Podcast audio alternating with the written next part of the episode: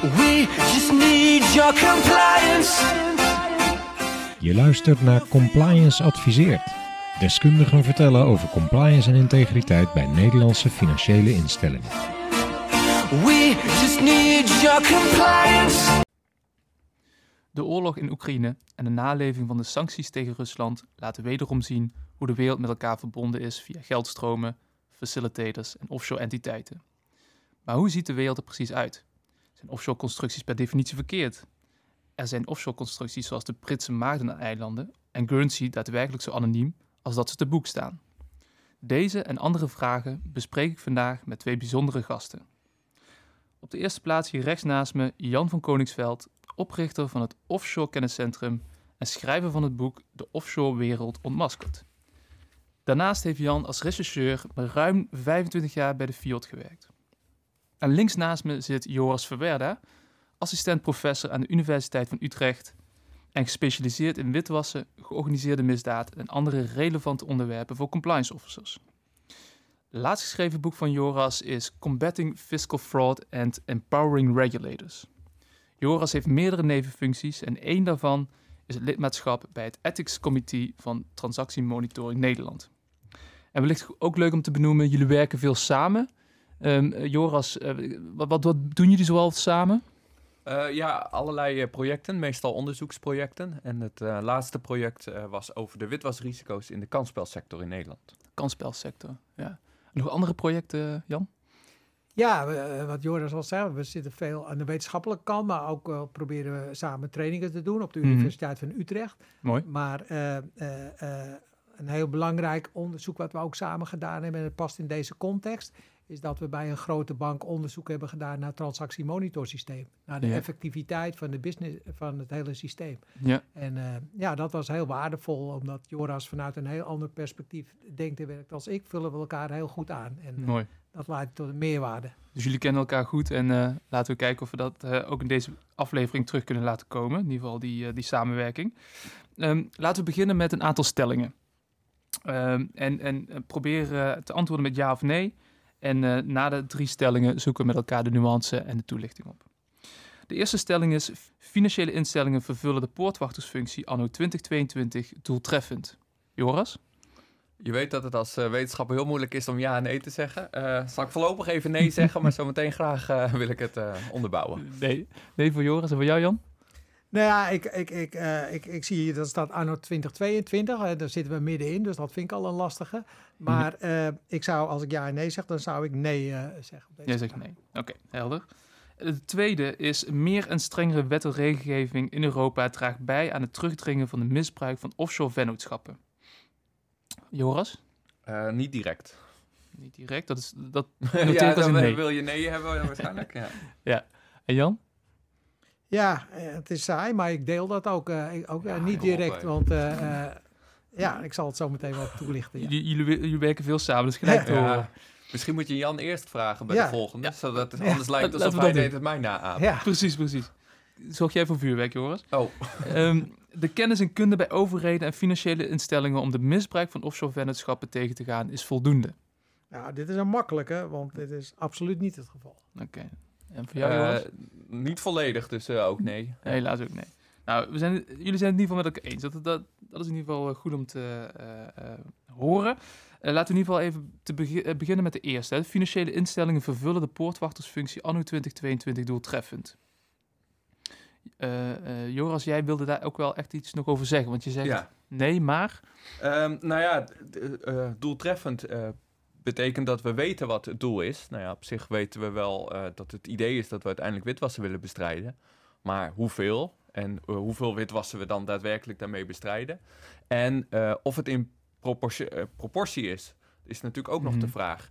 Dus ehm, we zien de laatste tijd dat het aantal meldingen wel enorm toeneemt. Ja. Dan kun je zeggen, hé, hey, dat gaat de goede kant op. Ja. Blijkbaar is er meer kennis of in ieder geval... Uh, meer commitment met de, dit doel. Maar de vraag is, leidt dat daadwerkelijk tot uiteindelijk veel meer uh, witwasveroordelingen? Ja. En die koppeling is heel moeilijk te maken, waardoor het heel moeilijk te zeggen is of het nou doeltreffend is of niet. Precies. Dus je kunt niet goed terugzien wat er dan aan ja, resultaten geboekt wordt. Ja, ja dus het, het is heel lastig om de veroordelingen die er toch nog steeds wel gebeuren. En Mhm. eh, we zien ook wel dat het aantal witwasveroordelingen de afgelopen tien jaar flink gestegen is. Ja. Eh, dat gebeurt wel, maar de vraag is, komt dat nou door het meldsysteem? Of komt het omdat eh rechercheurs sowieso veel gespitster zijn op witwassen? Of dat witwassen er gewoon veel vaker bijgeplakt wordt? Mhm, Bij elke mhm. fraudezaak en elke eh drugszaak er maar even witwassen opgeplakt wordt, omdat er ook iets met criminele winsten aan de hand is. En dus kunnen we ze ook voor witwassen veroordelen. En als je dan één advies zou mogen geven aan bestuurders of wellicht bestuurders van banken en overheden, wat, wat is dan het nummer één advies? Nou, ik zou zorgen dat je eh, kan volgen wat er gebeurt met die meldingen. Dus de meldingen kunnen we volgen eh, vanaf de bank naar de FIU. Mhm. En de FIU vertelt ook nog wel welke meldingen er wel en niet verdacht gemeld zijn. In ieder geval vertellen ze dat aan de bank. Maar daarna is het best wel moeilijk om nog te volgen. En als ik met eh, de opsporing spreek, zeggen ze dat die meldingen ontzettend nuttig zijn en enorm goed helpen eh, bij de opsporing. Maar dat is heel moeilijk hard te maken. En het zou vooral fijn zijn als je weet welke meldingen waren er nou echt nuttig. Welke Ja. meldingen leiden nou uiteindelijk tot een witwasveroordeling? Lijkt me ook als je bij de bank werkt wel fijn dat je af en toe te horen krijgt wat je gedaan hebt. Dat is echt nuttig geweest. Nu Ja. hebben we hem. De- de- die Precies. misdadiger is nu veroordeeld omdat jij drie jaar geleden die ene melding hebt besloten. Ja, deze moet gemeld worden. Hier hebben we iets. En hoe zie je dat concreet voor je als een soort van overkoepelend orgaan dat vanaf, vanaf de melding van de fin- financiële instelling hè, of eh, meldingsplichtige instelling, eh, dat, dat, dat iemand dat monitort, een, een orgaan dat dat monitort? Nou, in feite eh, hebben alle verdachte transacties en ongebruikte transacties al een code. Mhm. Het is een kwestie van op het moment dat je de PV opmaakt, procesverbaal in de opsporing, dat je even die code erbij eh, vernoemt als je gebruik maakt van informatie uit de- die, eh, die VT-bak, zoals ze, we ze noemen. Ongebruikelijke transacties of Nou, de, de verdacht- de verdachte transacties. Ja, ja, de ongebruikte transacties zijn voor hun staatsgeheim. Ja. de, eh, Twee verschillende. is, ja. Dus de- daar zit een mooie Chinese muur tussen die alleen de FIU aan beide kanten kan bekijken. ja. Ehm, maar die opsporing, die gebruikt dus af en toe verdachte transacties in, in de opsporing. En dat zou nou, nou juist cruciale informatie zijn. Mhm. En die dingen hebben al een nummer. ja. Vermeld dat nummer gewoon elke keer als je het gebruikt. Vermeld dat nummer. Zodat helemaal aan het einde, bij een veroordeling... of als er iets anders, een seponering is... of wat er dan ook gebeurt... dat we even terug kunnen zien... hé, hey, Ja. wat was er nou nuttig? Ja, wellicht is er iemand die dat juist interessant vindt om dat weer op te halen uit die dossiers, om dat vervolgens weer terug te koppelen aan banken. Misschien ja, wel, eh, bijvoorbeeld een eh, wetenschapper die bij de Universiteit Utrecht eh, de onderzoek doet naar de effectiviteit van het witwassysteem. Ja, Ja, ik of- dus. of, of een eigenaar van een kenniscentrum. Ja, bijvoorbeeld. Ja, ja. Ja, misschien zijn die er ook nog. Er zijn er gelukkig niet zo heel veel eh, in Nederland. Dat maakt het eh, bijzonder. Ja. Nee, maar wat wel belangrijk is, dat, dat, je, eh, dat je hier in de stelling ook ziet... dat het gaat, je- het gaat om financiële instellingen. En belangrijk is ook dat, dat iedere poortwachter... de bank is maar één van ons heel netwerk aan poortwachters... Die, iedere poortwachter ziet maar een stukje van de witwaspuzzel... als ik het zo Mhm. mag beschouwen. En eh, het uiteindelijke doel is natuurlijk dat we witwasser effectiever gaan bestrijden met z'n allen. Hè? Want Ja. we willen, eh, en dat, dat tenminste niet allemaal, maar de meerderheid van de mensen wil toch dat misdaad niet loont. Precies. Dus we willen dat effectiever aanpakken. Nou, vanuit dat perspectief gezien, eh, en daarom zei ik van net nee, als je kijkt naar het aantal verdachte transacties ten opzichte van het aantal ongebruikelijke transacties, dan is er nog steeds 85% false positives. Mhm. Dus wat net ook al eh, naar voren kwam, we moeten gaan kijken eh, wat daar de oorzaak van is, hoe we dat kunnen verbeteren. Hè? Dus we moeten meer het accent leggen op de kwaliteit en niet op de kwantiteit. Eh, maar daarbij wel rekening houden dat het effect moet hebben in de opsporing. Een verdachte transactie is niet per definitie verdacht in de zin van opsporing. Ja. Dus als politie of FIOD nog heel veel werk aan die verdachte transactie heeft, dan, dan geeft dat alweer belemmeringen bij, bij het oppakken van zo'n transactie. Ja. Dus we moeten echt kijken, denk ik, eh, wat Joris net ook al aangaf. Precies. Eh, eh, als we het over de banken hebben, hè, want eh, nogmaals, ik zei het net al, we hebben natuurlijk ook notarissen, iedereen eh, meldt. Dan moeten we eigenlijk al bij die banken gaan kijken aan de voorkant bij het transactiemonitorsysteem. Eh, welke signalen, welke ja, eh, business rules leiden tot Ja. hoeveel alerts en hoeveel ongebruikelijke transacties. En kunnen we misschien, het is een beetje afstellen eigenlijk van een filter, kunnen we daar misschien niet aan die knoppen draaien om veel minder alerts, maar veel betere. Dat scheelt echt heel veel geld. Maar Jan, zeg je daarmee eigenlijk dat omdat die, hè, die transacties, hè, die ongebruikelijke transacties, zijn ontzettend toegenomen de afgelopen jaren. En wellicht is het daardoor hè, voor een FIU of voor een opsporingsdienst veel minder makkelijk om hè, door het boom het bos nog te zien. Zeg je dus eigenlijk door het minder ongebruikelijke transacties, maar betere ongebruikelijke transacties, dat vervolgens de FIU en de, de, de opsporingsdiensten beter hun werk kunnen doen. Daar geloof ik wel in, ja. Ja. Ik, denk- ik denk, daarom zeg ik meer het accent op die kwaliteit. Eh, want je hebt natuurlijk dat preventieve gedeelte waar we nu over hebben, die, die, die poortwachters. En, en, en dan wil je natuurlijk eh, eh, het lerend vermogen ook van het systeem vergroten. Niet alleen Ja. van die medewerkers, maar juist van het systeem. Ja. Dus we moeten, als we gewoon heel veel tijd verliezen, zowel bij de banken, maar ook bij de FIU aan analyses en misschien zelfs bij de opsporing. eh, we willen gewoon dat we de goede witwassporen volgen en niet de verkeerde. Ja. Dus het is, het is zaak dat, dat we de relevantie van bepaalde transacties eh, eh, goed in ogenschouw nemen. En, Ja. eh, en, en ik denk dat daar een hele verbeterslag mogelijk is. Dus eigenlijk zit hier winst voor de banken, hè, of tenminste voor de financiële instellingen, die dan, als ze kwalitatievere en meer kwalitatieve meldingen doen, hè, dan hebben ze ook minder werk als het ware. Als ze gerichter kunnen zeker, zoeken. want dan ga je natuurlijk heel veel alerts. En nu, hè, we zeggen nu al bij het is het 85 posi- eh, procent eh, eh, false positives. Ja. Maar als we veel meer leren van oude witwaszaken en we gaan die niet alleen qua kennis bij die mensen overdragen, maar ook in het systeem, dat Mm. het systeem steeds beter gaat, zeg maar, die alerts gaat genereren, Ja, ja, dan gaan we de goede kant op. Want ja, wij zijn, eh, denk ik, maar Joris zal dat beter weten dan ik, wij zijn nog een van de weinige landen die dat systeem kennen van verdacht en ongebruikelijk. ja. Misschien zou je ook, hè, het meeste landen hebben suspicious transactions reports. Mhm. Eh, Wat is het verschil precies? nou ja, dan, dan, heb, dan heeft de melder al een meer vermoeden gemaakt dat Ja. er mogelijk sprake is van witwassen. Dus je zou misschien eens een vergelijkend onderzoek kunnen doen, maar Joris misschien weet die, heeft hij daar al wat meer ervaring Ja, bij, of dat gedaan is. Ja, ja, we hebben een publicatie in PLOS ONE eh, over eh, al die eh, transacties. En je ziet dat elk land heeft soortgelijk iets opgetuigd. Maar ze besluiten afhankelijk van elkaar, onafhankelijk van elkaar...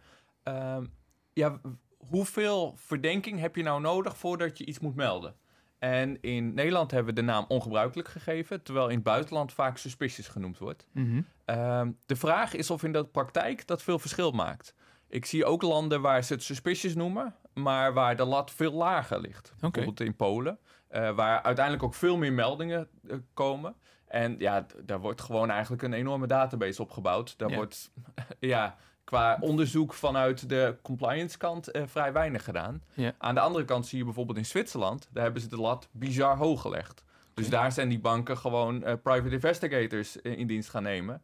Want eh, de zaak moet eigenlijk gewoon al bijna rond zijn. Het moet eigenlijk gewoon een strafdossier zijn voordat je het naar de FIU kan melden. Oh joh. En daar kan de FIU dus bijna het strafdossier aanpakken en meteen doorgeven. Dan kun je meteen de rechtszaal in met z'n allen. En als jij Dus zou moeten kiezen? Je kunt enorme keuzes maken. En ja, kijk, aan de ene kant, als je de lat gewoon heel laag legt, gewoon lekker veel meldingen doen, dan eh, heb je bij de opsporing een enorme databak. Mhm. Dat is op zich wel handig. Als er dan een keer een melding binnenkomt van nou, ik denk dat die eh, misschien in drugs handelt. Dan kun je als politieman even in het systeem kijken en dan zie je, oh, hij eh, doet ook nog allerlei van dit soort transacties. Dat is wel handig. Privacy technisch is het natuurlijk een beetje vreemd dat de overheid een enorme databank gaat opbouwen van allerlei transacties die maar zijdelings eventueel misschien gerelateerd kunnen zijn met criminele activiteiten. Ja. Dus je, je kunt je afvragen, ga je dan niet te veel de privacy inperken? Ja. Je kunt ook zeggen, oké, dan kiezen we het Zwitserse systeem. We leggen de lat ontzettend hoog. Maar dan heb je natuurlijk de kans dat er allerlei eh, boeven wegkomen. Mhm. Omdat de bank niet in staat is om die hoge bewijslast te halen. En daarom Ja. zeggen, nou, dat gaan we niet melden, want we kunnen de zaak niet rondkrijgen. Nee, nee. Dus je wil wel ergens daar in het midden zitten. Dat optimum zit wel ergens in het midden. En dat is echt het klassieke trade-off in, in de criminaliteitsbestrijding. Tussen privacy en criminaliteitsbestrijding. Ja. En waar wil je dan zitten? Ja. Ja. dat is eigenlijk een eeuwige discussie. Jan, wat, heb, jij, heb jij een voorkeur? Ja, mijn, mijn, mijn voorkeur, eh, het gaat erom uiteindelijk dat we, eh, dat we dat systeem hanteren wat in de praktijk blijkt het beste en effectief te zijn om die, om die criminaliteit te bestrijden. Ja. En eh, ik vind dat we daar nu onvoldoende in slagen. Dus we moeten gaan heroverwegen hoe kunnen we ervoor zorgen dat we dat misdaadgeld wel meer en beter afpakken. Mm. Dat we meer zicht krijgen op die complexe structuren. Dus Ja. het is wel heel goed om, om na te denken. En dan hoeven we in Nederland niet het wiel uit te vinden. Hè. Dat, eh, dat, eh, en misschien is het in het buitenland al voor een deel uitgevonden. Dus wat mij betreft is altijd alles open. Ja. Ook de vraag van, moet je wel melden bij een FIU of moet je dat meer bij, doen bij een belastingdienst? Ja. Ook zelfs de vraag, en die zouden niet uit de weg moeten gaan, moeten we misschien kijken of we dat hele systeem van het melden wel moeten blijven volhouden. Mhm. Want wat kost het? Alle partijen aan geld. Joris heeft daar volgens mij ook nog eens naar gekeken naar die kosten. Maar als we dat, als we dat budget op een andere manier zouden kunnen besteden, zouden we dan niet effectiever. Dus wat mij betreft zijn we, moeten we gewoon een veel betere open mind houden in het uitgangspunt. We willen beter en effectiever eh, het Ja. witwassen en georganiseerde misdaad bestrijden. Dat is het doel en daar gaan we naar streven. Ja. En, en als we nu zien eh, aan de cijfers dat we eh, nog niet echt effectief zijn. Hè? Eh, we, hebben, we hebben al eerder gezegd, we constateren dat er ongeveer 16 miljard wordt witgewassen in Nederland. Dat is Mhm. een aanname, een schatting. Maar de cijfers zijn ook dat we zo'n beetje 85 miljoen cash afpakken van, Ja.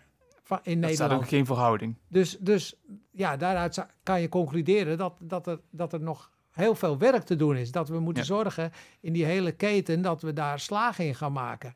Nou, dat is een mooie uitdaging, maar dat moet wel gebeuren. Want nu eh, loont misdaad nog te vaak. En dat Precies. kan nooit de bedoeling zijn. Nee, en eh, volgens mij durven we hier ook wel out of the box na te denken. Dus eh, later in de aflevering kunnen we nog nadenken over, nou ja, hoe zou dat dan eruit moeten komen te zien, hè, concreet. Hè? Dus een andere aanpak van, eh, van eh, tegen, tegengaan van witwassen.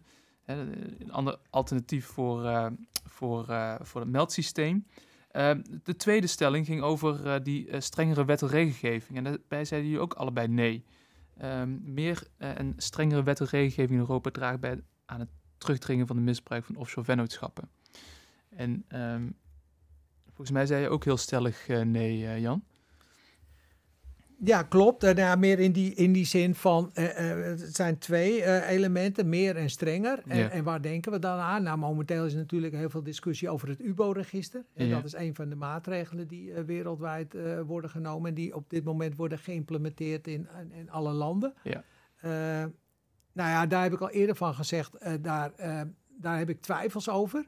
Of de, over de effectiviteit van die maatregel. Het is natuurlijk goed dat we in gedachten houden dat wij eh, willen weten wie degene is die aan de touwtjes trekt achter de offshore vennootschap. Hè, want dan, dan weten we Ja. ook wie we moeten zoeken. Alleen de vraag eh, is of het instellen van een UBO-register ons daarbij gaat helpen. Kijk, ik ga ervan uit, als we het in Nederlands perspectief bekijken, er zijn ongeveer 2,5 miljoen bedrijven in Nederland geregistreerd. Ik denk dat met 95 procent, schatting hè, Niks aan de hand. niks aan de hand is. Dat dat gewoon goed is. Ik bedoel, ik heb ook mijn gegevens. Ik heb ook een BV. Dus ik heb ook de gegevens eh, dat ik de UBO ben en zo moeten aanleveren op formulieren. Nou, weer Ja. een hoop werk. Gaat naar de Kamer van Koophandel, wordt allemaal bijgehouden. Dat, is, dat, is, dat weet jij, maar dat weet, dat weet iemand die jou wil checken niet meteen. Nee, nee. Maar goed, mijn gegevens liggen daar nu. Maar als we het nu echt hebben over, eh, eh, je had het in je inleiding al over, over Rusland. Als we het nou hebben over meneer Poetin of de oligarchen, of we hebben het over meneer Holleder. Ja, ik geloof niet dat zij zo, zo dom zijn, om hun eigen naam in dat, handels, in dat UBO-register te zetten. Ja. Dus die, die 5% of 3% van alle, alle dossiers hè, eh, van, van banken, waar we echt de focus op moeten leggen, dat we zeggen, ja, daar gaat het om witwassen, corruptie, belastingfraude, et cetera. Daar geloof ik nou net niet van dat dat gedeelte waar wij naar moeten kijken, dat dat in dat UBO-register Dus staat. jij zegt eigenlijk de echte grote criminelen of de grote klep, kleptocraten, die hebben andere ja, manieren en systemen om wit te wassen. En dat gaan we niet oplossen met een groot, ja, bijna een soort kadaster van UBO-gegevens. Nee, dat geloof ik niet. Dat gebaseerd op de praktijk. Hè. Eh, We hebben hand van de laatste, ja, mijn eigen 25 jaar bij de Fiat heb ik nog nooit een crimineel meegemaakt die zo dom is om 25% van de aandelen op zijn eigen naam te zetten. Eh, de, de Ja. rece- eh, of je nou Holleder neemt of nou, al die zaken, die Ja. vind je niet terug. Maar Jan, dit is eigenlijk al de tweede keer dat ik eigenlijk aan je zie en hoor dat je zegt van er zijn betere en, en, en, en effectievere oplossingen.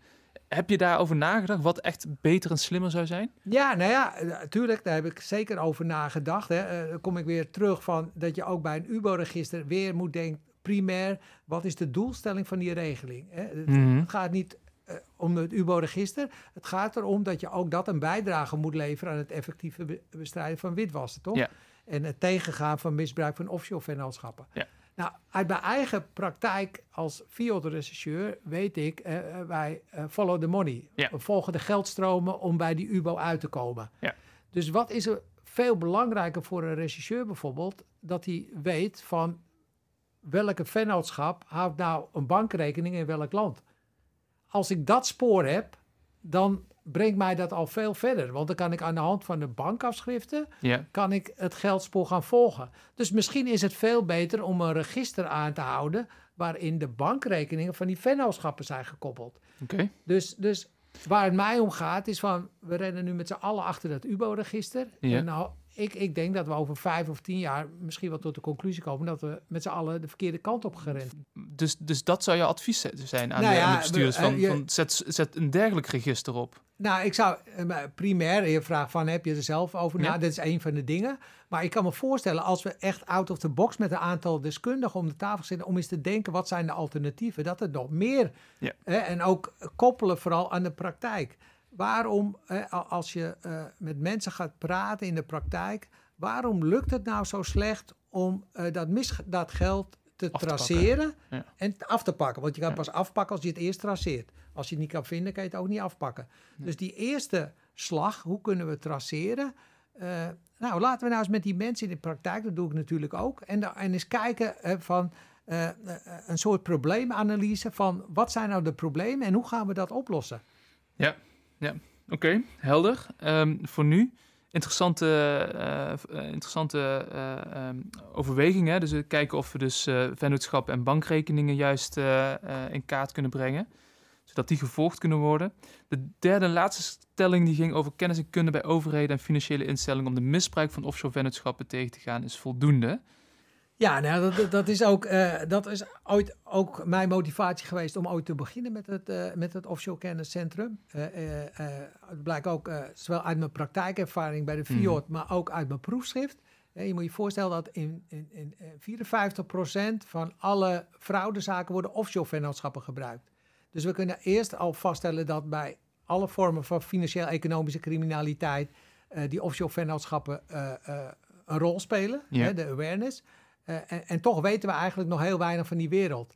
En, dat, en, en, en ja, dat komt eigenlijk omdat, omdat er, eh, die wereld is continu in beweging. Eh, die offshore wereld past zich makkelijk aan, aan ontwikkelingen die er gaande zijn. Ja, En, en er is nog te weinig, wordt er kennis geborgd bij organisaties. Dus er is hier en daar versnipperd wel wat, wat kennis. Eh, maar het is ook moeilijk voor die mensen, hè, want eh, eh, eh, de NRA, de National Risk Assessment 2, die heeft aangegeven dat het gebruik van offshore vennootschappen een van de grootste witwasdreigingen in Nederland is. Ja. Eh, anno eh, 2020. Dat is eigenlijk wat ik in 2019 of in, in eh, 1990 al zag bij Bruinsma. Eh, zitten we nu 30 jaar later, komen we dat weer tegen. ja. Omdat eh, die offshore wereld heel lastig te duiden is. Er is geen eenduidige juridische definitie van een begrip offshore vennootschap. Nee. Er is geen eenduidige eh, eh, lijst van landen. Dus dat, is, dat maakt het ook wel een stuk lastiger. Maar ik denk echt met goede en gerichte trainingen, met praktijkcasussen, dat je heel snel in staat bent om het, om het kennisniveau naar een hoger niveau te brengen. Alleen dat moet wel onderhouden worden. En Mhm. onderhouden worden zou met mij betekenen, en zeker voor compliance, dat je bijvoorbeeld zegt dat je ieder jaar met je compliance mensen eh, de vier belangrijkste voor compliance witwaszaken gaat analyseren. Mhm. Dus niet alleen een heel theoretisch verhaal, maar echt puur lekker afgestemd op de praktijk. Ja. Zodat ze de red flags zien. Wat kan ik als compliance medewerker herkennen in de praktijk? Ja, dat moet er bijdragen tot, tot die kwalitatief betere meldingen. En bedoel je dan landelijke bekende open zaken of bedoel je dan de interne Nou cases? Nou ja, eh, eh, beide. Wat mij betreft is alles mogelijk. Ik bedoel, eh, wat, Pandora Papers staan nu in de belangstelling. hè. vrij recenter nog gesproken is het, is het natuurlijk de Dubai Leaks met, met informatie over vastgoed, wat is contant veelal is aangekocht in Dubai, waar ook eh 1054 Nederlanders in staan. Mhm. Eh, dus die banken worden daarmee geconfronteerd. Hè? De Pandora Papers, daar komen steeds meer data van vrij de komende tijd. Dus het is wel goed om eens te kijken van, nou ja, wat, wat voor soort casussen levert dat op en wat kunnen we daaruit leren? Dat Ja. laatste is denk ik het belangrijkste. Hey, Jan, je stipte, je stipte zojuist al aan hè, dat, dat, dat er niet echt een eenduidige definitie is van offshore vennootschappen. Maar wat zijn dan voor jou offshore vennootschappen? Ja, ik heb, ik heb daar in mijn, in mijn proefschrift natuurlijk, eh, eh, ik heb een onderzoek gedaan naar aard en omvang van misbruik van offshore vennootschappen. Mhm. En daarvoor heb ik, omdat die definitie ontbrak, een, een eigen definitie gemaakt. Maar dat is altijd voor discussie vatbaar, hè? omdat er niks is. Maar ik moest dat wel doen om tot, voor mijn onderzoek om af te kunnen bakenen hoeveel landen het, en, hoeveel Precies, vennootschappen er zijn. het is echt jouw definitie Het voor het onderzoek. definitie voor dat onderzoek. Ja. En bij gebrek aan beter vind ik nog steeds dat dit goed is. Want je, Ja. je moet iets doen. Eh, anders zou je moeten zeggen, en want offshore is het tegenovergestelde van onshore. Mhm. Hè? Dan zou je eigenlijk moeten zeggen, alles buiten Nederland is offshore en dat is allemaal risico. Dan heb je eigenlijk Dat is heel een- breed. de hele wereld als risicoland. Hè, dat, Sommige eh, instellingen zie ik ook wel eens, die hebben dan een lijst eh, van hoogrisicolanden. Maar ja, als daar 120 of 150 landen op staat, dan, dan verliest het een beetje zijn effect, denk Ja. ik. Hè? Ja, Want dan, ja. ik geloof dat er misschien 200 landen in de wereld zijn op dit moment. Ik weet het niet precies meer, maar als Ja. je dan... eh, Ja, en dat je dan de EU-landen er vaak niet op ziet eh, staan, omdat dat dan eh, de politieke vrienden zijn. Eh, waarbij je nog steeds moet afvragen, komt er dan geen risico vandaan? Als je gewoon puur naar de eh ongebruikte transacties kijkt en naar welke landen die gaan. Heel veel naar de buurlanden. Ja, Eh, als je eh, kijkt naar het eh, onderzoek van Jason Sharman over welke landen zijn er nou eh, happiger op het aannemen van dubieuze voorstellen qua het opzetten van eh, offshore vennootschappen, dan zijn dat weer de typische landen die juist vaak op de witte lijstje staan. De, de, de, de landen die op de laag risicolijstje staan. Dus bijvoorbeeld de, typisch, de typische landen die genoemd worden zijn bijvoorbeeld de British Vir- Virgin Island en eh, de Panama en dat soort landen. Ja, ja dus de, die kleine eilandjes worden vaak als het grote risicogebied genoemd. Ja, Dus de Bahama's en dat soort eh, kleine eilandjes. maar Maar, maar goed, als je dus gaat kijken, eh, als je gewoon e-mailtjes rond gaat sturen, wat Jason Sharman dus in feite heeft gedaan, maar dan in- op een wetenschappelijke manier opgezet. En je vraagt gewoon ontzettend veel aanbieders van het opzetten van offshore vennootschappen. Kan ik bij jou een offshore vennootschap oprichten en vind je het erg als ik een keer de kopie van de paspoort niet meestuur of eh, nou ja, andere dubieuze eh, voorstellen. voor, ja, voorstellen. Eh, ja, dan zie je dus dat zo'n land als Verenigd Koninkrijk, wat eigenlijk nergens op een, zwarte lijst staat, nooit als hoog risico genoemd wordt, Nee. dat die er veel happiger op is dan landen die juist wel, die, de, die juist wel Ja. op die hoogrisicolanden staan. Die zijn er veel bewuster van wat hun rol is. Die Mhm. wordt ook veel vaker ingepeperd. Hey, het is slecht voor de reputatie van ons land dat we dit aan het doen zijn. Ja. Daar is die awareness ook veel groter. En dan zie je dat ondertussen in landen als Amerika en het Verenigd Koninkrijk dat juist veel Maar, plaatsvindt. maar dat is ook bijna schokkend. Ik bedoel, zijn er dan niet andere mechanismes waar, waar eh, financiële instellingen of landen dan op vertrouwen? Eh, als het gaat om bijvoorbeeld zo'n Verenigd Koninkrijk of eh, Amerika. Hè? Dus waar, waar hoe heet de professor precies? Eh, ja, Jason Sharman. Dus Jason die, eh, Sharman, eh, van de. Universiteit van Cambridge. Die, die heeft de Global Shell Games begonnen. Dat is een groot onderzoeksproject waarin ze dat gedaan hebben. De Wereldbank heeft het in een soortgelijke versie met de Puppet Masters gedaan. Waar Jan ook volgens mij bij betrokken was, als ik het goed heb. Ja, dus dan... Waar vertrouwen ze op? Ja, veel instellingen gebruiken toch nog steeds die lijstjes die Jan ook al aanhaalde met die hoogrisicolanden. En dan is de vraag, kloppen die lijstjes nog? Ze zijn vaak enorm verouderd. Hm. Soms staan er landen op die al niet meer bestaan. Eh, en je kunt je afvragen, laten die het werkelijke risico zien? Of zijn dat gewoon de politieke tegenstanders van bepaalde landen?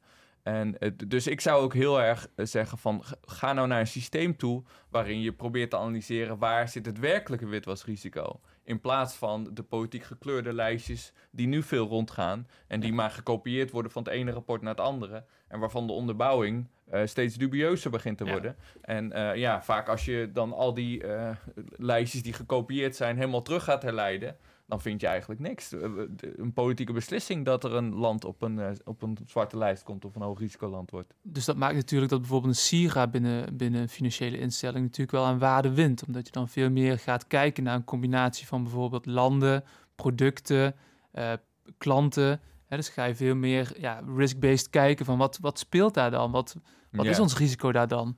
Ja, maar dan ga je er nog steeds uit van een bepaalde landen. En hoe is dat risico dan bepaald? Dat is dan Ja. nog steeds wel de vraag. Ja. het is natuurlijk wel lastig voor bijvoorbeeld een financiële instelling om dan ja, zelf maar een conclusie te gaan trekken van hoe, hoe, hoe staat het ervoor in een land. Ze moeten wel ergens op vertrouwen natuurlijk. Nou, dit, dit is de verantwoordelijkheid van de financiële instelling om zelf het risico te bepalen. En ik, ik denk dat je dat niet moet uitbesteden. Zeker niet als je weet dat die bron eh, een politiek lijstje is of een, een lijstje is wat politiek gekleurd is. Ik heb zelf wat onderzoek gedaan met eh, Italiaanse collega's, waarin we ons gewoon even afgevraagd hebben. ehm, welke bedrijven hebben nou een buitenlandse eigenaar en in Mhm. hoeverre is dat logisch? Dus het is op zich best wel logisch als er een Italiaan in Nederland komt wonen en die begint een pizzeria, dat er een Italiaan de eigenaar is van een be- Nederlands bedrijfje. Ja. Dat is op zich best wel logisch. Eh, maar als je dat gaat uitzoomen en gaat kijken wie zijn er nou eigenaar van bepaalde bedrijven in bepaalde landen, dan zie je ook dat er heel veel economisch onlogische bedrijfsstructuren zijn. Waarbij je kan afvragen waarom zou dat zo het geval zijn. En eh, als je eh, die analyse dus maakt, in hoeverre is het economisch logisch en wat blijft er dan over? Wat kunnen we niet goed verklaren? Dan kun je dat als een proxy proberen te gebruiken voor risico. En dan heb je het daadwerkelijke risico. Hoeveel bedrijven. eh, Kun je dat, de term proxy even uitleggen voor de, voor de, voor de ja, ja, de vervanging van of Ja. iets wat lijkt op. We weten nee, natuurlijk nee. niet zeker of het volledig witwasrisico is.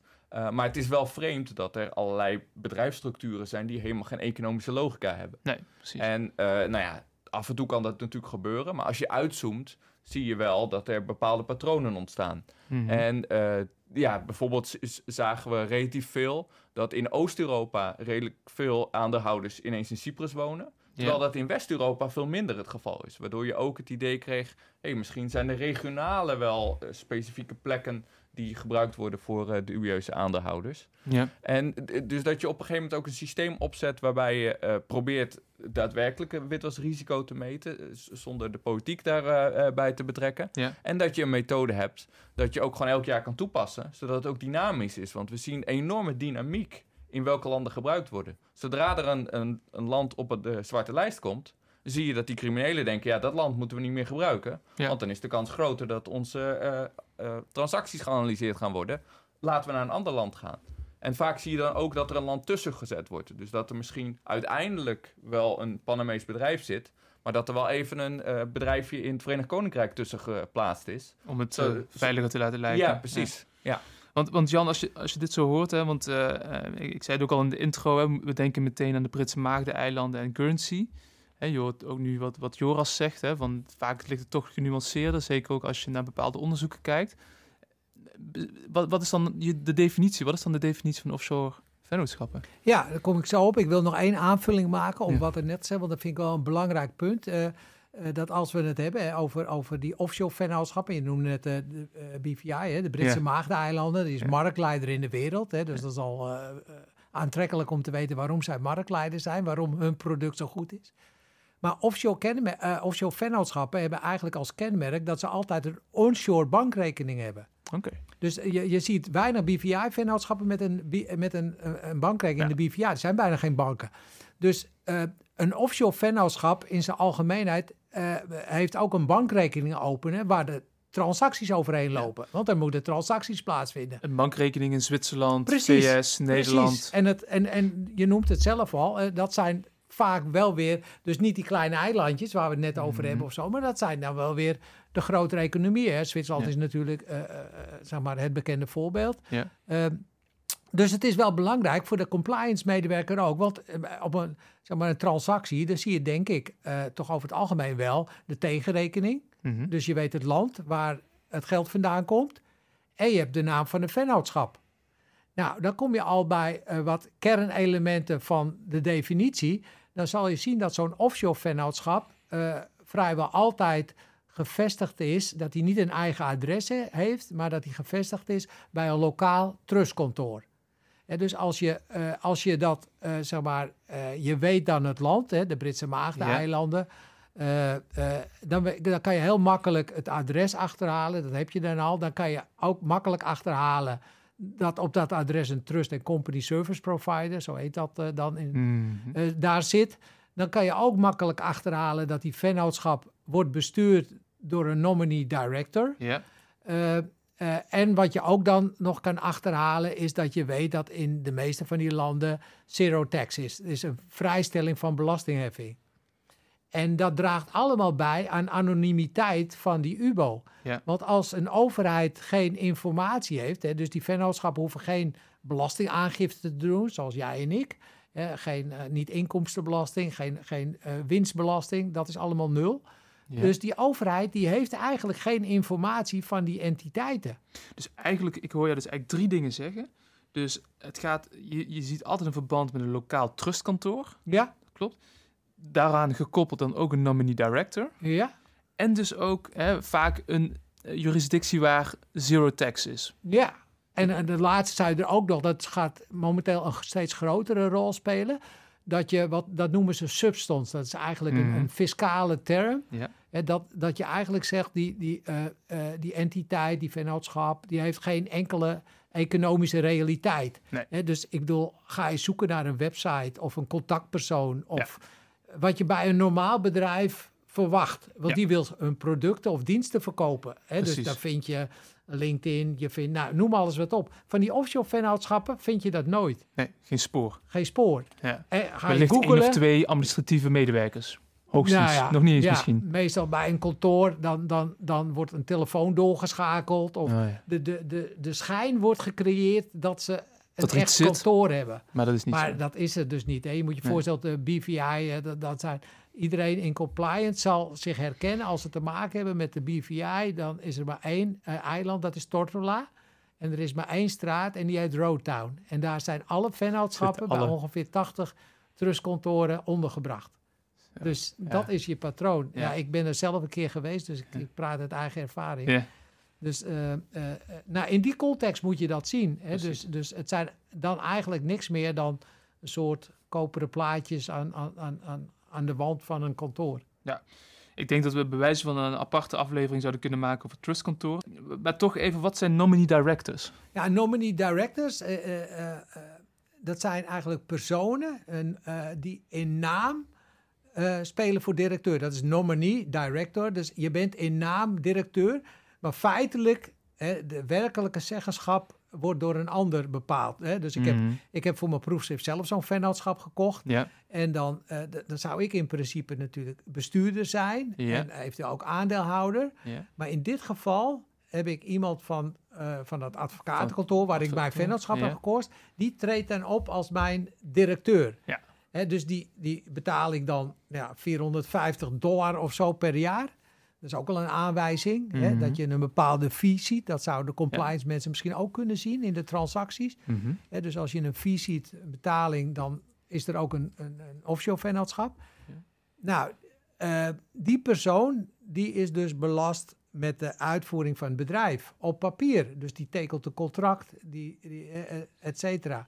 Eh, terwijl de werkelijke eigenaar, hè, in dit geval eh, was het mijn vennootschap, dan, dan bepaal ik natuurlijk eh, of ik al dan niet iets koop of dat ik investeer of wat dan ook doe. Ja. Alleen hij tekent op papier omdat hij dus de nominee director is. Precies. En En- alles om te voorkomen dat een bank of een overheid niet de naam van Ridwan Taghi sta ziet staan, maar van eh, persoon X, zodat er niet een alarmbel gaat rinkelen. Ja, en dan nog een tip inderdaad voor de, een compliance manager. Kijk al- ook altijd echt naar de gevolmachtigde. Want die nominee director, die zal ook die bankrekening openen. Maar die zal tegelijkertijd een soort volmacht geven aan de echte eigenaar. Want ik wil over die bankrekening beschikken alsof het mijn eigen geld is. Ik laat het niet aan die nominee over. Dus eh, wat we noemen in het Engels een power of attorney, een volmacht, Mhm. geeft wel weer een, eh, Ja. een, een, een- is een aandachtspunt. Dus die zou je als compliance officer moeten opvragen Zeker. als je ja. een bankrekening Ja, opent. en, en goed analyseren. Of wat als die power of attorney eh, onbeperkt is qua bedrag en qua tijd, dan heb je natuurlijk eigenlijk dan te maken met, met een UBO. Want dan geeft hij je eigenlijk alle macht aan iemand anders. Aandelen aantoner, is dat nog iets wat, wat, wat, wat speelt? Want ik weet dat het nou ja, in het verleden wel, wel, wel, wel serieus werd gezien als een eh, witwasrisico. Ja, is dat nog steeds zo? aandelen aan toonder, hè, dat noemen ze bearer shares. eh, eh, die hebben natuurlijk een verhoogd risico op witwassen, omdat je Ja. eigenlijk niet vaststaat wie de eigenaar is. En die kan heel makkelijk overgedragen worden. Eh, internationaal ga- eh, zijn er maatregelen genomen en wet en regelgeving om dat tegen te gaan Terug te vanwege het misbruik. Ja. Dus eh, eh, er is, zijn nog maar een beperkt aantal eh, landen. Hè. Wij hebben natuurlijk in Nederland de rechtsvorm de NV, die we ook nog op Curaçao kennen. De, eh, eh, Naamloze ven- vennootschap. naamloze vennootschap. Nou, het Ja. woord zegt het al, dus die hebben aandeel. Dat wordt ook, gaat ook veranderen in de nieuwe plannen. Het plan van aanpak witwassen, om dat ook af te schaffen, ook in het buitenland. Dus er is wel steeds meer druk op alle landen om dat af te schaffen. Eh, eh, maar er zijn nog wel landen waar, waar dat speelt. Maar dat speelt. verandert ook continu. Hè? Ja. Dus daarom is het altijd goed om eh, up-to-date informatie te houden over de, waar kan het nog wel en waar kan het niet meer. ja, want dat, dat is het eigenlijk. Hè. Door met elkaar steeds beter dat bloot te leggen van waar zit het hem precies, in, Precies. kun je dus vervolgens vanuit wet en regelgeving, poortwachtersrollen, maar ook opsporing natuurlijk dat aanpakken. Ja, en dan wordt het eh, in ieder geval steeds meer gedoe. Hè? Dus eh, wat eh, Jan eerder ook al zei, misschien dat het UBO-register niet helemaal de oplossing is. Want de echte grote jongens die vinden vast wel een manier om daar omheen te komen. Maar het is wel weer extra gedoe. En misschien moeten we dat ook wel als het succes van het anti-witwasbeleid noemen. Eh, dat het voor eh, misdadigers tegenwoordig wel meer gedoe is. Ze maken wel wat kosten, ze zijn er druk mee bezig. Eh, een deel van hun winst gaat op aan nou ja, allerlei informatie inwennen. wennen, Misschien wat mannetjes voor je regelen die iets voor, voor je doen. Het is allemaal wel meer gedoe. Ja. Als je in de jaren negentig nog met je sporttas vol met contant geld bij de bank kwam en zegt stort maar op de bank. Ja, dat kan gewoon echt niet meer. Nee. Dus het is gewoon meer gedoe. Ja. En misschien pakken we de crimineel uiteindelijk niet. Maar het is in ieder geval meer gedoe. Ze Ja. zijn ermee bezig. En dan zijn ze niet met criminaliteit eh, bezig. Maar echt met wit, witwassen. Ja, eh, wat veel minder effect heeft. En ze raken een deel van hun geld kwijt. Dus misschien loont het wel minder om minder Precies. misdaad te gaan. Ja, ik, ik, ik denk, eh, wat je, in aanvulling wat Joris zegt, ook terecht. Ik denk ook dat, het, dat zo'n UBO-register wel een draadje geeft waar je aan kan trekken.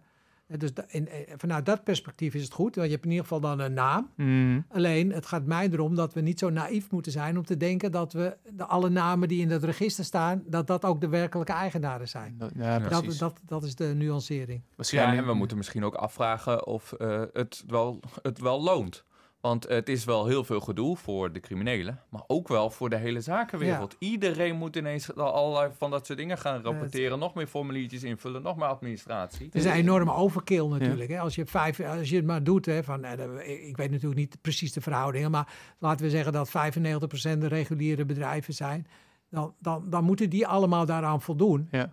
Heb, je dat zelf, heb je dat zelf gedaan, Jan? Heb je Ja, zelf- ja, En ja. Hoeveel, hoeveel werk is het? Waar moet ik aan denken? Nou ja, het is net eh, als je een, eh, een formuliertje voor de Kamer van Koophandel invult. Je moet natuurlijk een formulier invullen. En Ja. nou ja, dat, dat is ook niet eh, heel Nee. veel werk. Half uur, uur. Ja, zoiets, een half uurtje is dat eh, gewoon. Maar eh, je, je zal het waarschijnlijk ieder jaar moeten, moeten gaan doen. Updaten. Eh, al die informatie die komt daar weer bij het eh, Ja. handelsregister, moet weer verwerkt worden. Nou, eh, bla bla bla bla. Ja. Terwijl we ons eh, primair moeten blijven focussen, vind ik, op hoe kunnen we nou effectiever die 5% aanpakken. Mm. En, en niet met een, hè, nu is het een enorme overkill van maatregelen. Dus veel meer gerichtere maatregelen. Ik heb verleden wel eens gezegd, eh, eh, eh, als, als, als je een tumor hebt ergens in je lichaam, dan gaat een arts natuurlijk heel gericht bestralen. Die gaat dan niet dat hele gebied bestralen. Nee. Nee. die gaat eerst goed analyseren waar zit dat gezwel. En gaat dan gerichte maatregelen nemen om dat stukje goed te behandelen. Dat je Ja. weer gezond wordt. Nou, als wij dat, die analyse ook meer tijd in stoppen. Het is natuurlijk makkelijker om, om, om dat helemaal te doen en dat niet goed te analyseren. Dus als we dat wel goed analyseren, dan zouden we misschien met goed nadenken en creatief eh, oplossingen komen om veel gerichter dat witwassen beter te bestrijden. Maar Ben je daar een beetje optimistisch over? Nou, niet echt. Nee, ja, kijk, als je. Eh, kijk, ik kijk er vanuit de wetenschap natuurlijk naar dit eh, eh, gebied van het beleidsterrein eigenlijk. Mhm. Van het bestrijden van witwassen. Maar ik kijk ook naar andere beleidsterreinen en hoe het daar ontwikkelt. En dan zie je bijvoorbeeld dat we, we willen ook drugs bestrijden. Ja. En dan zie je dat allerlei landen allerlei verschillende dingen doen. Dus sommige landen zeggen we gaan het legaal maken. Even kijken of dat helpt. Sommige landen gaan het heel erg crimineel maken. Gooien iedereen in de gevangenis die ook maar gebruikt. Er zijn eh, lokale initiatieven waarbij je zegt, nou, als je echt heroïnegebruiker bent en je komt er niet vanaf, dan geven we je wel heroïne. Allerlei verschillende beleidsopties. En wij kunnen als eh, wetenschappers analyseren wat werkt wel, wat werkt niet, wanneer werkt het, in welke context, wat, hoe werkt het. Wat doen we eh, qua bestrijden van witwassen? over de hele wereld doen we het precies hetzelfde. Allemaal doen we hetzelfde. Dat is op zich ook wel logisch. Dan is de ketting zo sterk als de zwakste schakel. We willen het overal hetzelfde doen. We willen niet dat criminelen daar het voordeel van trekken. Maar daardoor leren we heel weinig over de effectiviteit van het systeem. Hmm. Want in elk land doen we het precies hetzelfde. Ja. Dus dit verschil hebben we helemaal niet om inzichten te krijgen in de effectiviteit. Er wordt niks geprobeerd. We, we hebben gewoon één weg gekozen en die blijven we gewoon. Ja. Het is niet vallen en opstaan, zoals bij drug, want hè, de drugsproblematiek is ook niet opgelost. Maar dat gaat met vallen en opstaan. En dan leren we iets van het vallen. Dat doen we bij witwassen helemaal niet. We bestrijden wit. We, hebben, we zeggen we gaan linksaf en we gaan gewoon door blijven gaan. Maar zou het misschien ook komen, witwas is natuurlijk op zich nog een jong delict, hè? Het is pas sinds 2001 echt expliciet in onze wetgeving opgenomen. Als je dat vergelijkt met belastingfraude, dat is misschien wel 5000 jaar oud. Ja. Hè, de- dus dus eh, wat Joris net terecht zegt, is van we, we, we willen juist leren. Maar door die internationale ontwikkeling, heel snel was het natuurlijk de, de, de, de strijd tegen het witwassen, de FATF met hun eh, 40 recommendations. alles is internationaal overeen. Hè. Trustkantoren, die worden ook allemaal eh, eh, one size fits all. Dus misschien moeten we inderdaad toch kijken of we niet out of the box naar andere, andere eh, oplossingen Ja. kunnen komen. Want nu blijven we in hetzelfde patroon zitten. Er wordt natuurlijk veel gesproken over eh, publiek-private samenwerkingen. Hoe kijken jullie daarna? Nou ja, klassiek eh, was het idee dat criminaliteitsbestrijding onder, een publieke taak was. Ja. Dus eh, eh, helemaal in het begin, de res publica, zoals ze dat in het Latijn noemden. Wat zijn de kerntaken van het publiek? Eh, nou, het idee is, ze krijgen belastinggeld en daarvoor geven ze terug vrede en veiligheid. Ja. Dat was het hele concept. Zorg voor de samenleving. Ja, zorg voor de samenleving. Dat zijn we een beetje uit het oog verloren. Want eh, wie doet nu de criminaliteitsbestrijding? Of met name het opsporen van witwassen? Nou, voor een groot deel private partijen. Hé, hey, maar dat is raar. Waar- waarom, waarom doet de politieman dat niet meer? Waarom is het nu iemand die bij de bank werkt? Die eigenlijk de taak van de politieman aan het doen is? We hadden ook kunnen zeggen, dit houden we gewoon als een publieke taak. Ja, meer belasting. Ja, ja je moet eh, belasting betalen. Maar nu betalen we geen belasting, maar betalen we hogere bankkosten. Nou ja, als iedereen een bankrekening heeft, dan betalen we het nog steeds met z'n allen. Dus dan- dan heet het geen belasting meer, maar we betalen allemaal daar geld voor. Ja. Want die kosten moeten wel gemaakt worden. Die, ja, we kunnen hopen dat eh, de directeur van de ABN en de andere grote ING. banken in Nederland zeggen... Nou, als we extra criminaliteit gaan bestrijden, dan lever ik mijn bonus wel in. Ja, ik zie het niet gebeuren. Ik denk dat ze dat gewoon doorrekenen aan de klant. En dus betalen we in die vorm gewoon de belasting. Maar zo ziet het natuurlijk niet uit als je als beleidsmaker daarover nadenkt. Want als beleidsmaker heb je een budget en probeer je binnen dat budget zo goed mogelijk criminaliteit te bestrijden.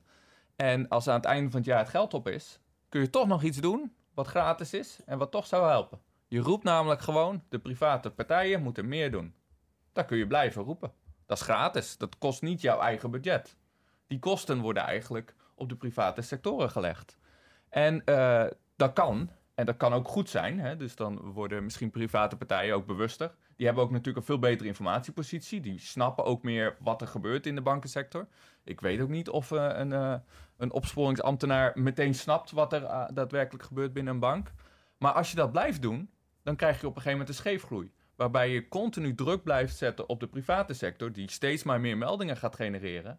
Maar als de opsporing dat niet meer verwerkt krijgt, en als je niet in verhouding net zoveel extra opsporingsambtenaren creëert als hoeveel extra eh, meldingen je creëert, Ja. dan creëer je een bottleneck. Dan zit je op een gegeven moment als opsporing met een enorme stapel met zaken waar je eigenlijk nog aan wil gaan werken, Ja. maar waar je gewoon niet aan toe komt. Dus dan zou ik zeggen, als je zegt, ik zet meer druk op de private partijen, wees dan ook eh, eerlijk en zeg, oké, dan hebben we ook meer belastinggeld nodig en dan hebben we dus ook meer budget nodig voor de opsporing.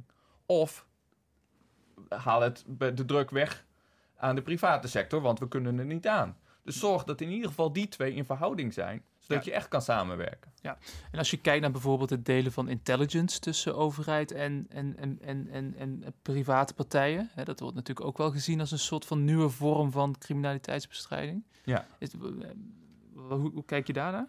Ja, nou ja, eerder zei Jan al dat eh, witwasbestrijding is vaak eh, heel veel puzzelstukjes met kleine informatie. En eh, als je uiteindelijk in de krant leest over een witwasconstructie en de journalist heeft dat mooi allemaal grafisch weergegeven, dan zien we het allemaal. Dan, dan zie je alle geldstromen, dan zie je alle poppetjes. Dan kijk je daarna en denk je, ja, dit is witwassen. Dat is verder Ja. niet, dat is vaak niet zo ingewikkeld. Logisch. Maar dat zien we nooit. We zien allemaal zo'n heel klein deel. Dus de opsporingsdiensten heeft misschien een keer een melding gekregen van iemand die iets verdenkt of de, de- allerlei stukjes informatie. Eh, de bank heeft allerlei stukjes informatie. En die informatie heb je allemaal wel nodig om echt een goed eh, beeld te krijgen van wat er nou aan de hand is. Ja. En dat maakt het ook ontzettend lastig om goede melding te doen. Omdat, eh, ja, achteraf kunnen we wel zeggen, hé, waarom heeft die bank niet gemeld? We zien hier toch een enorme witwasconstructie. Ja, maar dat zag de bank niet. De bank zag alleen maar die ene transactie van A naar B. Ja. En in hoeverre eh, is dat genoeg om een conclusie uit te trekken? Dus je ziet dat die publieke en private informatie, die dus bij verschillende partijen ligt, samen moet komen om een goed volledig beeld te krijgen. En daardoor is het niet eens meer echt een keus.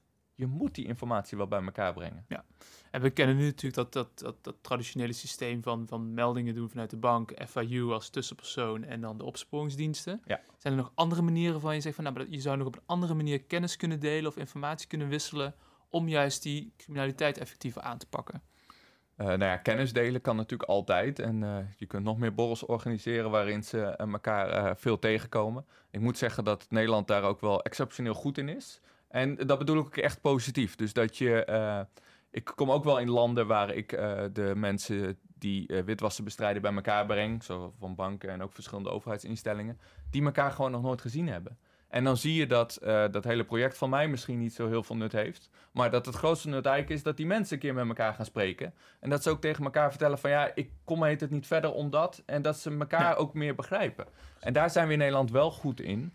Om echt naar elkaar te luisteren. En eh, misschien ook wel klassieke Nederlands idee van dat polderen. Zorg dat je bij elkaar in gesprek blijft. En dat je met elkaar ook afspreekt hoe kunnen we het nou verbeteren. Ja. Waar we het in het begin over hadden. Van hoe kun je nou zorgen dat de banken het steeds beter doen? Nou, zorg dat het Openbaar Ministerie gewoon goed informeert van deze melding van jou was nuttig, deze melding was niet nuttig. Zodat dat lerende systeem, wat Jan ook al aanhaalde, erin komt. Dus zorg Ja. dat je met elkaar in gesprek blijft. En dan hoeft het niet eens over die concrete zaken per se zelf te gaan. Maar Wel de manier waarop. precies, ja. Helder. En eh, eh, als je het hebt over samenwerking, dan kunnen we natuurlijk ook kijken naar samenwerking van banken.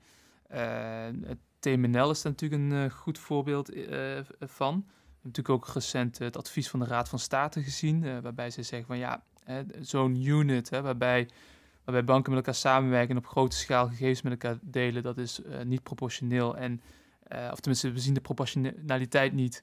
En we zien ook risico's voor de privacy van burgers. Ja. Ehm, ehm, is, dit nou, is, dit nou, is het nou goed van de Raad van State dat ze dit, dat ze dit, eh, dat ze dit doen? Of eh, eh, ja, hebben we toch het gevoel van ja, we, we, we waren een stap vooruit het maken en, en, en, wordt ten onrechte teruggefloten?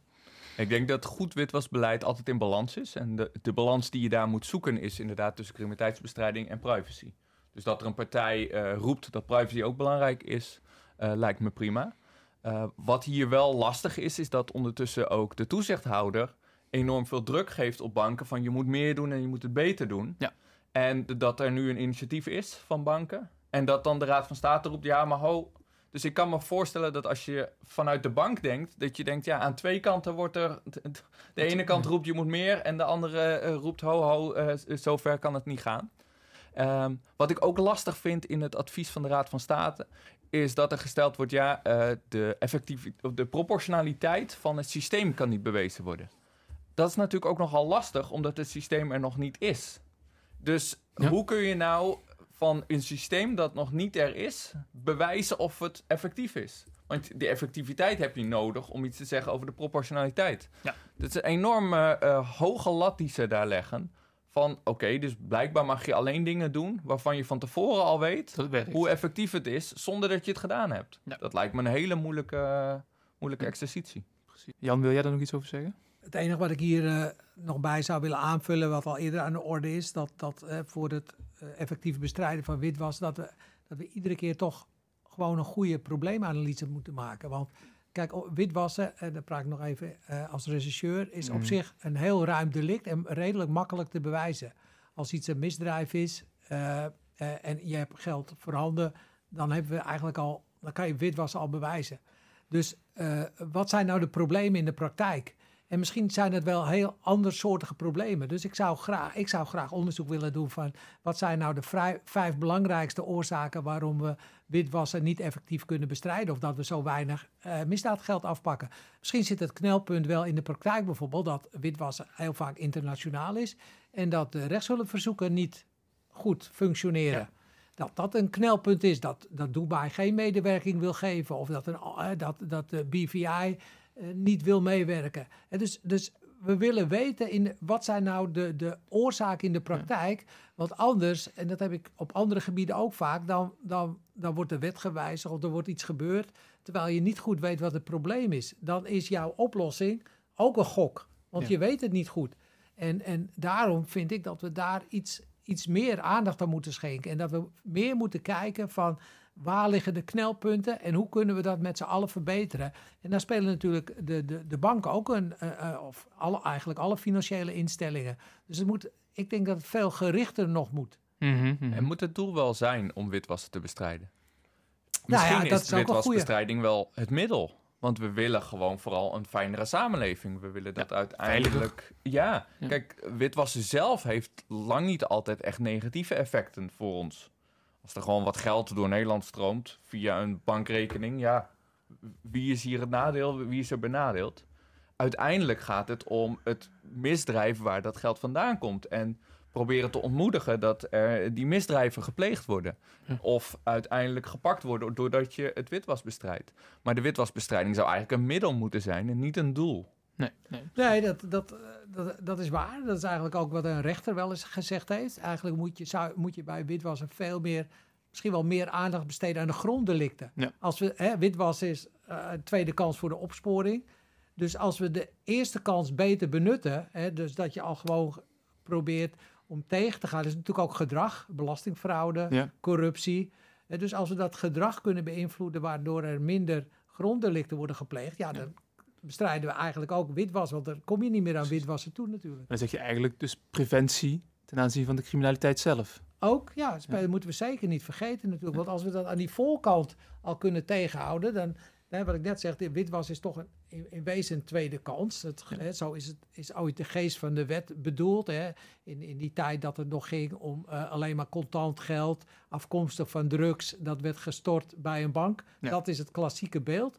En ze begonnen alleen, ja, de evolutie van de laatste eh, 20, 30 jaar maakt dat er heel veel gronddelicten zijn. Eh, belastingfraude is nu ook een gronddelict voor witwassen in heel Mhm. Europa. Dus, dus de rijkwijde is veel groter geworden. Eh, En het lijkt er af en toe op dat we misschien nog toch weer te weinig aandacht besteden aan die gronddelicten. Hè? Ook beleggingsfraude, allerlei vormen btw-fraudes. Al die gronddelicten waar dat misdaadgeld door wordt gegenereerd. Ja, precies. Eigenlijk in alles wat jullie zeggen van heel veel dat we doen, dat is goed. Het, het draagt stap voor stap ergens aan bij. Maar eigenlijk zien jullie op een aantal vlakken toch dat het slimmer, beter en handiger kan. En jullie roepen eigenlijk op om daar meer onderzoek naar te doen. Om te kijken van hoe kun je nou bepaalde dingen effectiever gaan ja, organiseren. Ja, Een beter resultaat. Zeker, zeker. En dat geldt dus overal. We hebben het ook gehad over, over waar de banken zelf een voordeel uit kunnen halen door effectiever eh, het transactiemonitorsysteem eh, naast kennis in mensen. Want dat is Ja. ontzettend belangrijk, dat er voldoende kennis bij die mensen komt door gerichte trainingen. Hè, en eh, eh, dat ze echt praktijkzaken leren analyseren. Dat is belangrijk. Maar het begint natuurlijk al bij die eerste stap, namelijk het, het, het systeem genereert bij banken natuurlijk de alerts. En daar, dat is zo'n belangrijke stap, want eh, daar zitten natuurlijk allemaal risicosignalen in. Maar zijn die allemaal goed, die risicosignalen? Missen we daar niks van? En daarom moeten we van de, de, de wel ontdekte gevallen goed leren welke red flags erin zitten en kijken of die ook in dat systeem zitten. Ja. En dus als, er, als we zaken hebben, hè, dat is nu ook weer natuurlijk met, eh, eh, eh, met een aantal stichtingen, dan, dan, dan kunnen we kijken wat leren we uit die, uit die risico's met die stichtingen. Want als die stichtingen worden opgericht en een bankrekening openen, dan is er weinig risico. Want hè, een goede doelstichting, dus dat zal wel in orde zijn. Maar later komen die transacties en dan kunnen er eventueel. Dus we moeten daarvan leren, van die wel ontdekte gevallen. Ja, precies. Daar is veel te halen. Oké, helder. Ehm, ik zou met jullie richting afronding willen. We hebben eh, veel eh, besproken, echt best wel op hoog niveau, hè, van hoe kunnen we nou zaken veranderen. Ehm, maar misschien, eh, voordat ik eigenlijk naar de, de eindvraag ga van deze podcast. Hè, wat is jullie belangrijkste advies aan compliance officers? Zijn er nog punten waarvan jullie zeggen van nou, we hebben het gehad over offshore, we hebben het gehad over witwassen en andere delicten. Eh, dit, dit vind ik wel nog belangrijk om te benoemen. Weet je zeker dat je alles eh, wil horen wat wij Nee, nog belangrijk nee. vinden? Dan Laten we- eh, laten we- zitten we hier nog even. La- laten we Ik, eh, beginnen met prioriteit, het belangrijkste. gesprekken met Jan herinneren aan de keukentafel, die vele malen langer dan dit duurde. En waarbij we toch wel concludeerden dat alles belangrijk was. Maar misschien hebben we wel een, een paar belangrijke dingen wel mooi, Ja. mooi besproken. Alright. Maar niet waarvan je zegt van dit, dit, dit wil ik wel nog gezegd hebben. Schiet me nu even niks te binnen, maar misschien kan Jan me helpen. Nou ja, kijk, we komen zo meteen natuurlijk nog aan, aan het laatste punt wat je net al Ja. zei. Dus eh, ik, ik zou ook nog willen wijzen op eh, dat de focus heel erg is natuurlijk op eh, transacties. Terwijl ik denk dat we ook en vooral moeten kijken naar de structuren. Dus de, de samenstelling van entiteiten in de structuur. En die samenstelling die verricht de transacties. Dus als we alleen kijken naar die transacties, en wat we al eerder zeggen, dan, dan zie je ook maar een heel beperkt Ja. beeld. En dat is al lastig voor een compliance medewerker. En dus ook in samenhang, neem ik aan. Juist in samenhang. En, en, en dat is ook het voordeel eh, eh, van, eh, van meer kennis opdoen. Omdat je dan, en ik denk dat dat ontzettend belangrijk is voor een compliance medewerker, is, dat je dan leert de goede vragen te stellen aan je cliënt. Want dat is een van de manieren om aan meer informatie te komen. Hè. Er Mhm. zijn nog andere manieren. Maar eh, eh, je, de- je cliënt, dat is in ieder geval iemand aan wie je vragen kan stellen. Dus de kunst van het stellen van goede vragen.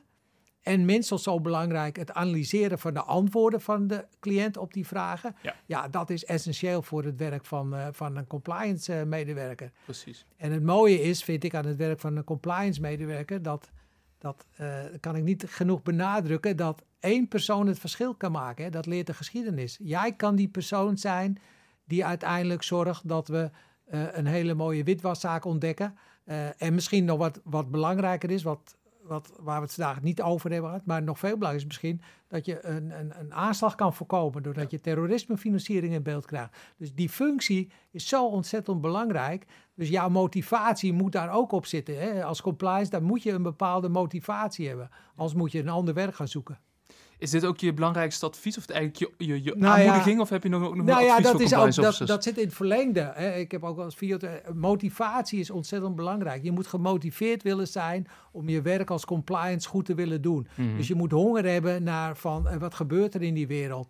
En, en daar past juist die offshore wereld heel erg in. En dus je moet, je moet honger naar kennis. Je wil gewoon wat gebeurt er in die compliance. Hoe, waar kan ik van leren? Van, Ja. welke, eh, van welke jurisprudentie? Dus dat, dat zou ik allemaal willen weten. Ja. En dan wil je ook trainingen op krijgen op dat gebied.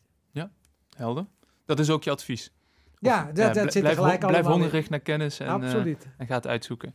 Voor jou, Joris, wat is je belangrijkste Nou, advies? misschien wel een beetje in lijn met wat Jan zegt. Ja, eh, dat krijg je als je twee eh, samenwerkende eh, eh, mensen eh, interviewt. Maar ehm, nou ja, ik, ik hoor wel vaak dat. eh, ik kan me ook wel voorstellen dat als je hier bij een compliance afdeling eh, zit en eh, nou ja, de hele dag transacties aan het doorklikken bent en af en toe is een transactie doormeldt, dat het gevoel een beetje is, ja, wat ben ik aan het doen en heeft dit wel nut? En nou ja, zeker omdat die terugkoppeling er niet vaak is. Er wordt niet vaak gezegd, bedankt, we hebben nu die en die te pakken en die is nu veroordeeld, die zit nu in de gevangenis dankzij jouw werk. Inderdaad, een beetje wat, wat Jan ook zegt. Ik kan je wel verzekeren dat als je aan de andere kant eh, praat, dus met mensen van de FIOD of eh, van de opsporing, eh, dat die wel enorm veel waarde hechten aan wat er in die verdachte transactie-informatie informatie zit. Mhm. En Ja. dat die daadwerkelijk wel nuttig is, maar dat die vaak onderbelicht blijft omdat die terugkoppeling er niet zo is. Ja. Maar dat betekent niet dat het geen waarde heeft wat je aan het doen bent. Maar je zegt dus eigenlijk van maak dat systeem beter. Ik zou zorgen dat er een lerend effect in zit, zodat je ook niet alleen weet dat het nut heeft, maar ook vooral weet welke waren nou wel nuttig en welke niet. Misschien ben je wel elke dag dezelfde soort transacties aan doormelden die nooit enig nut hebben. En misschien is er maar af en toe eentje die je meldt die wel nuttig is. Als je dat weet, dan kun je daar voortaan meer op letten. Precies. Mijn studenten krijgen van mij ook een beoordeling aan het einde eh, of ze iets wel of niet goed gedaan hebben. Met dit idee, dan weten ze wat wel en niet goed is. Ja. Zodat ze ervan kunnen leren. Keer. En ik denk dat je dat als compliance medewerker best wel mist. Omdat je die feedback niet krijgt of er nou wel of niet iemand uiteindelijk veroordeeld is vanwege hetgene wat je gedaan hebt. Dus daar moeten wij gaan werken als maatschappij en als vakgenoten. We heel breed, ja. ja, ja, ja, ja. precies.